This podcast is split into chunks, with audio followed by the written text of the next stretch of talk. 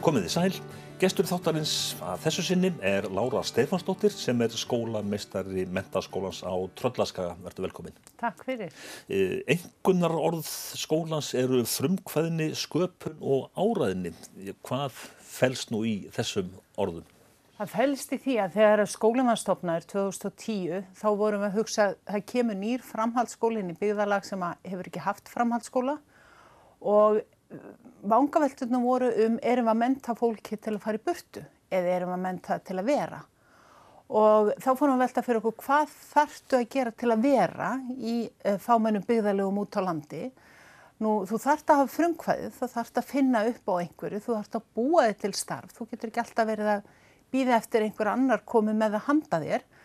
Þú þarfst að vera skapandi í hugsun, skapandi hvað þú getur gert og svo þarfst að þóra að gera það og þaðan kemur áræðið. Þannig það var svona grunnhugsunin að hugsa eh, þennan skóla í landsbyðarsamhengi, í því samhengi sem hann er, til að styrkja mentun á svæðinu, atvinnu uppbyggingu og annað sem þar er, en ekki við skulum taka nefnendur og þróa þá til að þau geti farið. Þannig að það var svona grundvallatrið og í því samhengi byggum við til dæmis til námsáfanga í frumkvölafræði sem við tengjum alltaf nær samfélaginu. Við köllum hann fyrst tröllaskaga, þess að hvað eru frumkvölarnir á tröllaskaga? Þeir gerðan kom og kynntu sín viðfónsefni og verkefni en síðan byggu þau til sín viðfónsefni og hafa búið til fjölmart og komið með hugmyndir sem að tengjast því sem er að gerast heilmikið hjá staðnumónum okkar og það er allt frá því að vera sko, tónleika, hérna, tónleikahelgi sem var haldinn í tengslu við veiðar, skýði, allt þetta sem tengjast okkur. Þannig að það var hugmyndi fyrst og fremst og svo útfærum við þetta, þessa hugmyndafræði e, miklu víðar. Þannig að það fælst í námsefnu sem við gerum, e, vinnan sem hvernig við vinnum sem starfsmenn, að við séum ekki först á einhverjum klafa. E, þannig að Þurði Jóhannsdóttir, doktor sem er í Háskólu Íslands, sem hefur verið að rannsaka okkur núna í hvað þrjú eða fjögur ár. Mann þegar ég kynnti þessa hugmynd fyrst fyrir henni að þá sá hann já já Lára mín þetta var fínt svona einhver einhvernar orð og svo kom hún alveg gapandi eftir, eftir að hún var búin að vera út á vettvangi í skólanum og hún sagði það er alveg sama hvernig maður talar við. Það er allir með þetta á hreinu og er að vinna í þessu samhengi, hvernig farið að þessu? Og ég held að það hafi verið ástæðan fyrir því að hún hafði svona mikið áhuga að rannsaka okkur og er, er að. Nafn. Það er, ég talað um að, að allir eigi að hafa jaft að aðgengi að námi en mentaskólan á Tröllaskaga er ekki nema rétt í að tæplega tíu ára. Þetta hefur vantarlega verið bara mikið bylting fyrir samfélagið við utanverðan eða á Tröllaskaga að fá þennan framskóla eða þennan mentaskóla Það breytir auðvitað heilmiklu bæði samfélagslega eða félagslega nefndunir eru að unga fólki er áfram í byggðalæinu það er ekki farið á haustin og kemur hugsanlega á vorin. Það breytir samstarfi við fyrirtæki, auðvitað þarf skóli þjónustu, hann sækir sér starfsmenn af nærsvæðinu tölvert og síðan þetta, þessi breyting á mentun og viðhorfi, þetta allt spila saman. Það er talað um fjörðu innbyltinguna. Hvernig ja, undirbýr nú ja, mentaskóli unga fólkið undir að, að fara inn í þessa fjörðu innbyltingu? Fjórða innbyltingin er snúin, hún er erfið og, og ég hef búin að vera í tölvubransanum síðan hvað 1908-10 upp úr því og í þá þriðju innbyltingunni í rauninni sem er búin að standa í nokkra ára tugi þó sumum finnst það nú ennþá nýbreytni þá er það lungulegin tíð.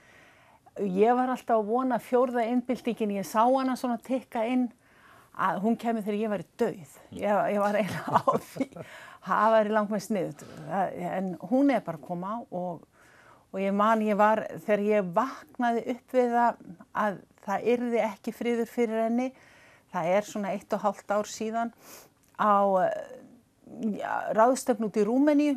Þetta er svona fall sem er búið að vera ganga í samband við vitvél að gerfi greint og þetta er búið að matla svona rólega. Svo sá ég bara loðrétti ásinn þetta stemdi bara upp og þá er hraðin orðin svo mikill breytingarna svo miklar að, að við ákváðum vorum nokkuð mörg á Evrópuráðstöfnu, Ekomedia, Europe út í, í Jazz í Rúmeníu þegar að, að við horfum á þetta og ég átta mig á að þarna er þessi tími komin og þegar við komum heim þá fórum við í það að endurskipilegja og hugsa hvernig ætlum við að búa unga fólki undir uh, heim þar sem að 60% störfunum verða horfin. Hvað gerur þá? Og þú veist ekkert hvað verður þá þannig að þú verður að horfa meira á mannlega hæfni og við erum svo lánsum hér á Íslandi í framhaldsskólakerfina við eigum líklega eina bestu námskrá sem að ég hef nokkur sinni sko reykist á. Eh, þannig að við höfum sveianleika til að þróast hratt. Þannig að við höfum það verkfæri og höldum vikulega fundi starfsmenn þar sem að þetta er, er umræði efnið undir hínu og þessum hattinum. Eh, meðal annað sem við erum að fást við núna það er síndarveruleikin í skólastarfinu, hvernig vinnum við með hann, hvernig, hvernig notum við hann í mentun, hvað er hann að gera, átt okkur á því en þetta kemur inn í bara svona ja, grunnhugsunin þegar við erum að hugsa hvað getur maðurinn gert sem vélarna geta ekki gert. Hva, hvað erum við aðeins betri maskínur? Og uh, þá kemur, uh, koma þessi einhvernor sem að sett voru fyrir mörgum árum aftur í hugan, þetta frumkvæði að þú getur búið einhvað til, þú hafir hugmyndaflugi að skapa einhvað, uh, hugsa það út fyrir ramman, hvernig það ætlar að búa til störf þar sem að, að tóðanum fer kannski og hann þarf engan með sér. Það bara fer kannski einn maður til svona, svo fólki líði betur og annar bara til að setja setja hérna einhver varastykki í vélarnar því þeim er öllum stýrt nú þegar úr landi hvort sem er. Og vélarnar verða þannig að þær vinna bara fiskin og, og hvað ætlum við þá að gera? Og, eh, og það er svona erfitt fyrir hugan, fyrir mig og aðra hvað ætlum við að gera? Það er bara endur, endur teku sér aftur.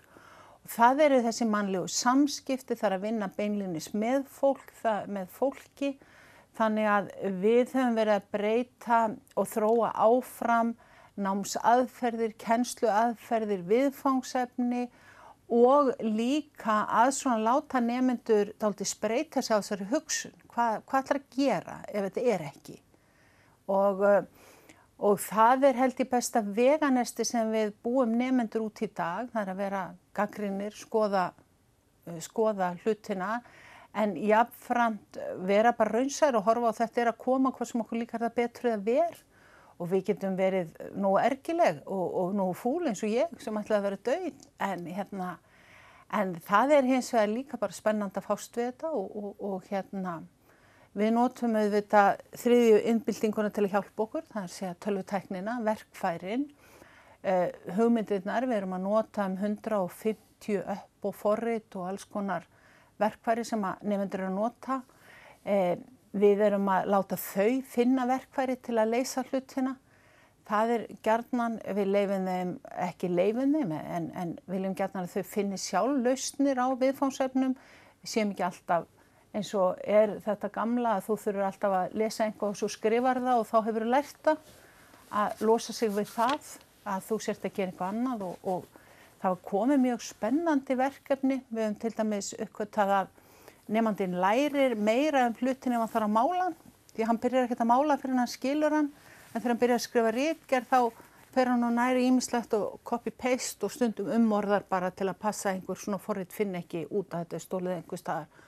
Og skilarinn hefur kannski ekkert endilega lært mikið.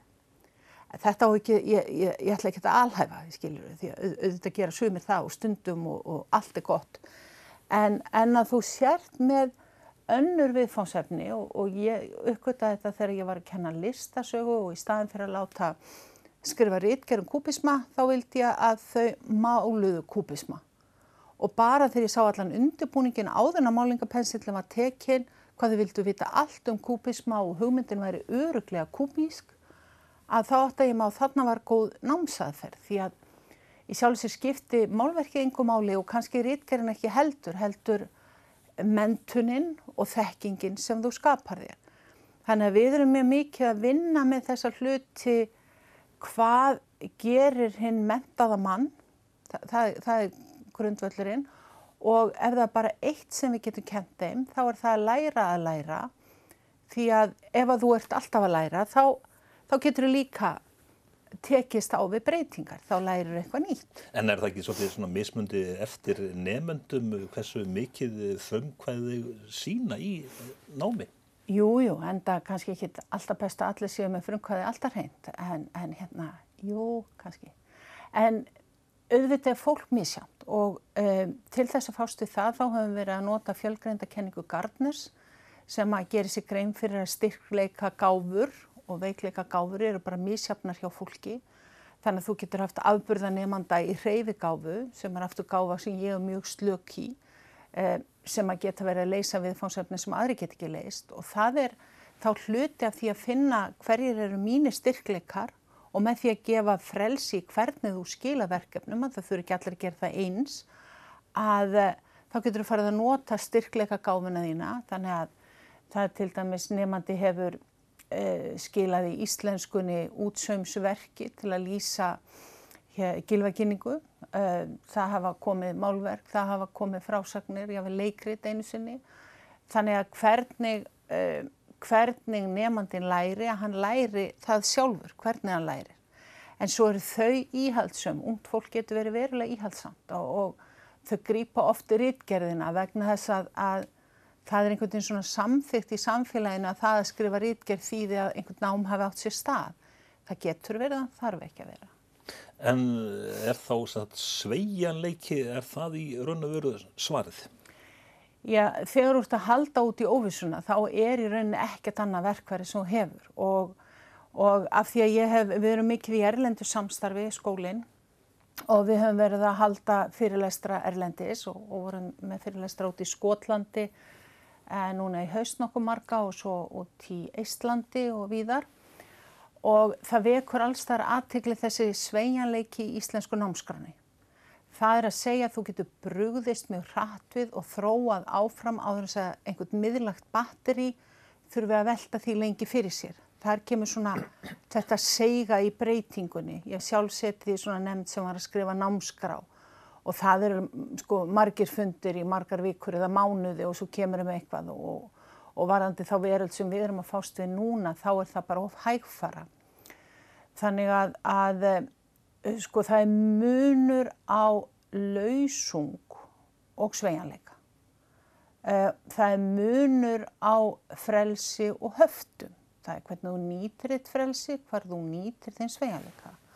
Og þarna Erlendis um, rætti fólk mikið þennan kost okkar að takast á við fjórðu innbyltinguna í skólakerfinu því við erum auðvitað fást við það alls þar í heiminum að við getum þróað námskrána því að, að námskráin sem við höfum í framhaldsskólunum því miður hefur umræðan um hana yfirleitt verið að fjalla um svona efnislegt fyrirbæri eins og hvort þetta eru þrjú árið eða fjögur ár sem er algjörst aukaðrið.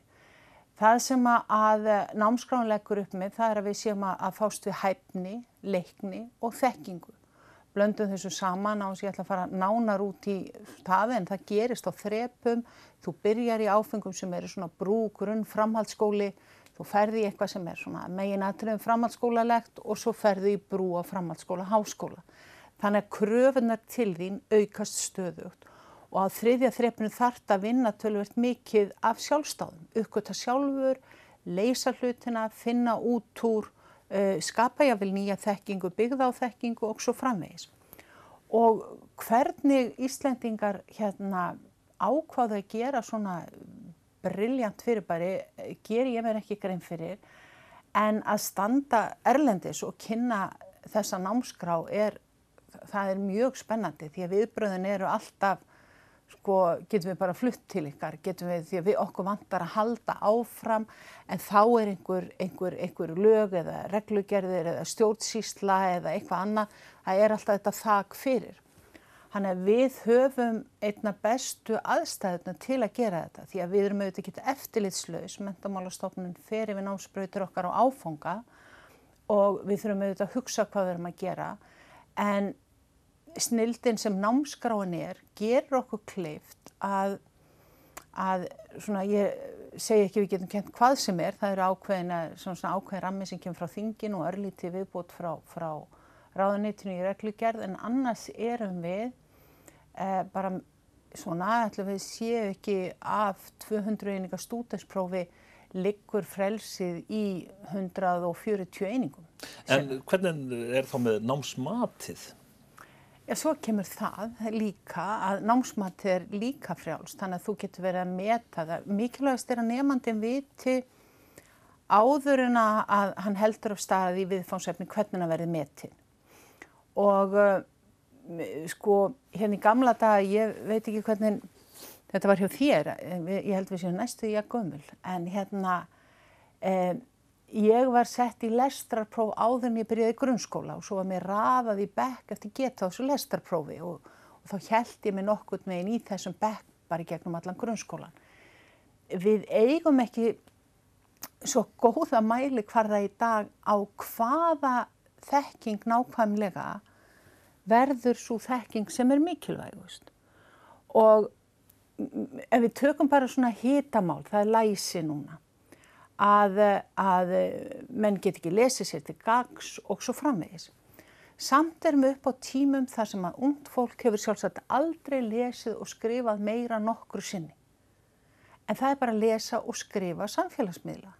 Það er að senda skilabóð á, á Facebook, á Snapchat, á Instagram, það, það, það segir frá í myndum, það segir frá í hljóðum, það segir frá alla mögulega máta og les og skrifar. En Íst, sagt, því miður var ákveðið mjög snemma að þetta væri óhrein íslenska.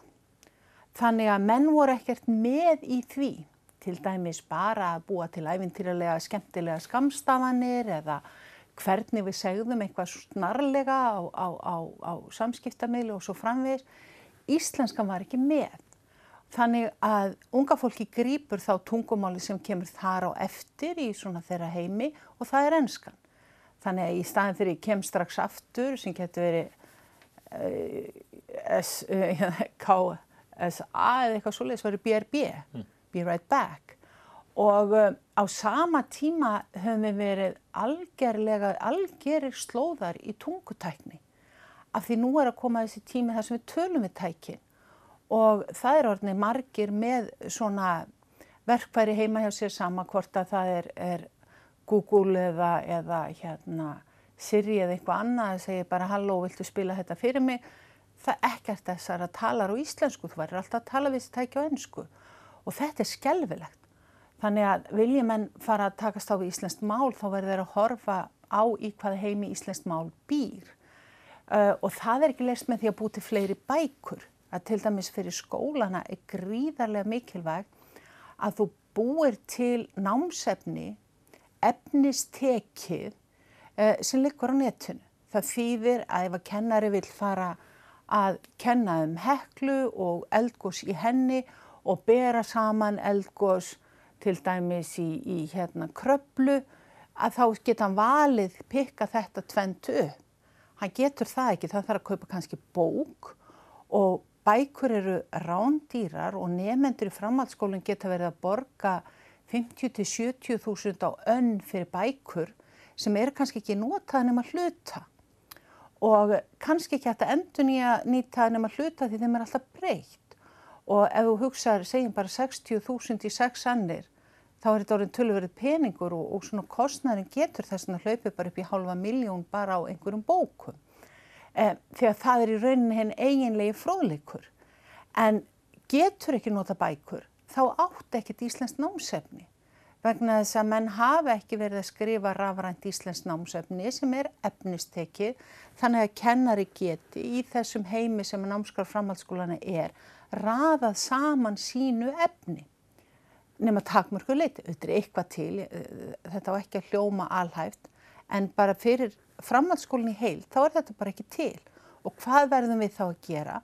Við verðum að láta þau lesa miklu meira á ennsku heldur en við kísum. Af því efnið er ekki til nema kannski tveir kaplar í þessara bók og þrýr í annari. Þannig að, að ég held að þetta sé eitt brínasta viðfánsefni sem skólakerfið stendur fram með fyrir. Það er að námsefni sé skrifað á íslensku efnisteki þannig að það passi inn í þann raunveruleika sem nú er. Þú varst eh, nýverið eh, kosin skólamistari ásins. Eh, Getum við litið á mentaskólan á Tröllaskaga sem svona, frumkvöla skóla? Í mentakerfinu? Mér leiðist þetta hugtakvennilega. Við erum á einhverju vegferð. Við erum, við erum svo lítið nær sín um leið og við sjáum daldi lánt. Uh, við höfum ekkert hlutverk sem frumkvöðul eitt nýja neitt. Við erum bara óskup venjulegu framhaldsskóli en ég hef stundum sagt að ég held að, eða ég trúi því að ég sé með besta, bestu kennara í heimi og ég hef aldrei séð starfsmannahóp í skóla sem er jafn ólíkur og hann er, jafn samstíg og hann er með uh, sífælt nýjar hugmyndir eða breytingar á hugmyndum eða, eða þessa gerjun í skólastarfi sem er þar fyrir hendi. Og af hverju það skapaðist hef ég svo sem enga skýringu á en mesta minni vinnu fer bara í að sitja á skrifstofunni og það kemur einhver inn og segir Laura, ég var með hugmynd, eigum við að og velta fyrir sér hvort kosti og galla og hvernig það rúlar inn í kerfi. E, þau búa til nýja áfang á hverju önn sem tengist einhverju. Þau blanda saman námsefni, dæmi eins og blanda saman spænsku kennslu og íþróttum að þá er þau að læra spænsku fóru síðan til spánar og stunduðu alls konar íþróttir sem eru sérstakar þar og koma aftur heim. Við höfum verið að kenna áfangi mat og menningu sem mér finnst mjög spennandi hjá þeim. Þá í staðin fyrir að fara að kenna menningu í misa landa þá er listhús í Ólasverði þar sem að koma erlendi listamenn stöðugt og þeir kynna sína menningu og elda með nefendum og í gegnum það kynnast þau bæði mat og menningu við komandi lands og þau kom meðal annars hinga til Akureyrar í vor sem leið og elduðu með sýrlensku flóttamennunum sem búa hér, sýrlenskan mat eða arabískan mat, kynntust heim, uh, hérna svona kvöluðu pínind fram í litlabannið og spjölluðu og það var svo gaman að sjá að flóttamenn voru ekki allt í einu einhver fjarlag stærð út í heimi, heldur fólki sem voru elda með. Þannig að, að, að ég held að, að í því frelsi sem framhaldsskólinn hefur núna um, þá þurfum við að vera vakandi og hugsandi hvernig ætlum við að gera þetta og að sömuleiti hugnast mér það vel að hver framhaldsskóli getur skapa sér sína sérstöðu. Það er ekki eins og í gamla dag íslenska 203 og allir lesa einhverja bók og gera þetta og það bara miðlægt ákveð af einhverju fimmanna grúpu í Reykjavík. Svo getur verið einhverju utan að landa í grúpunni, ég er ekki að segja það, en þetta kemur þannig. Þannig að þú spáir frekar í hæfni og hæfni til þess hvað átt að gera á öðru þrepi í íslensku og breytir kannski ekki öllu í þeirri hæfni hvað nákvæmlega þú lest. En uh, til dæmis hefur mjög hrifin af því sem að Eirikur Rökkvaldsson í háskólum hefur verið að skrifa hvað vekur áhuga íslensku máli. Þessar gömlu aðtóasendir um, um hérna einhver, einhver, einhver, einhver skitri eins og beiging á einhverju orði á móts við það að nota fjölbreytt tungumál, skreita tunguna, jáfnveg eins og við Íslandingar sem getum sett orð saman á nýjan máta og, og það þýðir eitthvað nýtt. Eh, við höfum að, að hérna, spreita okkur þessu. Krakkar á framhalskóla aldrei, eru þau öðruvísi þenkjandi heldur en uh, þegar Lára Stefansdóttir var á þeim aldrei? Nei, það er nefnilega sorglega, þau er ekkert það, ég held að þessi aldur, hann er að fást mjög mikið við það sama.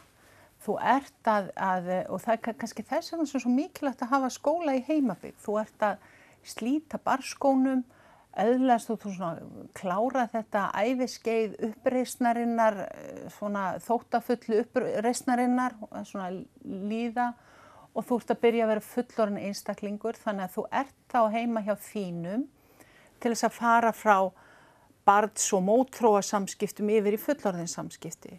Þannig þau eru upptekina þessu og hverju þau ætla að giftast og hvað þau ætla að verða og, og eitt og annað þýjumlíkt. Þannig að það er, ég held að við séum á þessum að aldrei eins og ég stundum hugsað, sko við erum að leggja stað í ferðalag svona upp á móti og þurfum að fást við það hvað ætlum að vinna við, hverjum ætlum að búa með, hvað að vera börnum og hvað ætlum að vera ég held að þetta sé svona það sem við erum að spá í á þessum aldri.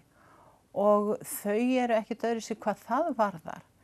En þau hafa alltaf nú verkværi heldur en við höfðum þegar við vorum að fást við þetta. Ég man eftir að Ég fór á bifuröst um þetta leiti og við keftum með rándýra reiknivél sem gáttu bæði lagt saman og dreyið frá og deilt og markvaldað og þóttu ægilega græður.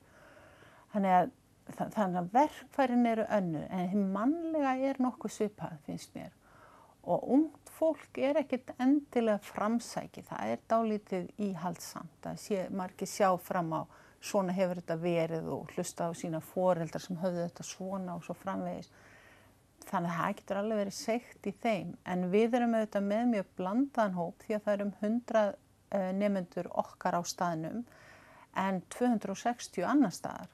Þannig að okkar nefnendur þurfa alltaf að vera að vinna með fólki sem er annar staðar, annarkvært einhver staðar út í Evrópu eða eða hérna heima og við gerum það þannig að þau vinna saman í hópum, vinna saman að verkefnum, eru saman í hóp. Þau eru ekki annað, fjarnefanir okkar er ekki annar staðar, einhver annar skóli í skólanum.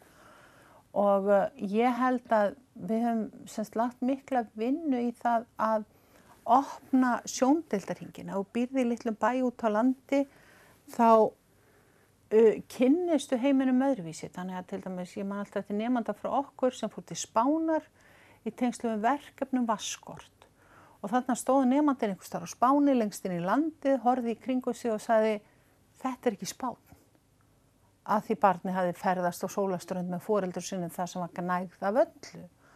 Og það er ástæðan fyrir því að við erum mikið í erlendu verkefnum þannig að nefndur okkar gáttu farið í vetur til Kanaríeia, Spánar, Litáa, Noregs, Dammerkur og sjálfsagt gleymi ég einhverju. En að þau fari út og, og hérna sjáu heiminn í einhverju öðru ljósi, jú Greiklands alveg rétt, ég mann það núna. En, en svo kannski ætlum að draga aðeins úr því þessum ferðalögum að því það er svona náttúrulega komið og fara að fókusa aftur inn á við og fjörðu innbyltinguna. Lára, þú, ég greinilega nýtur þinn í starfinu. Þetta er gaman, þetta er óskaplega gaman og að vinna með svona góðu fólki það sem er gaman að koma í vinnun á hverjan degi það er gjöf sem að maður hefur ekki alltaf haft í lífinu. Lára Stefansdóttir, takk fyrir spjallið. Takk sem er leiðis.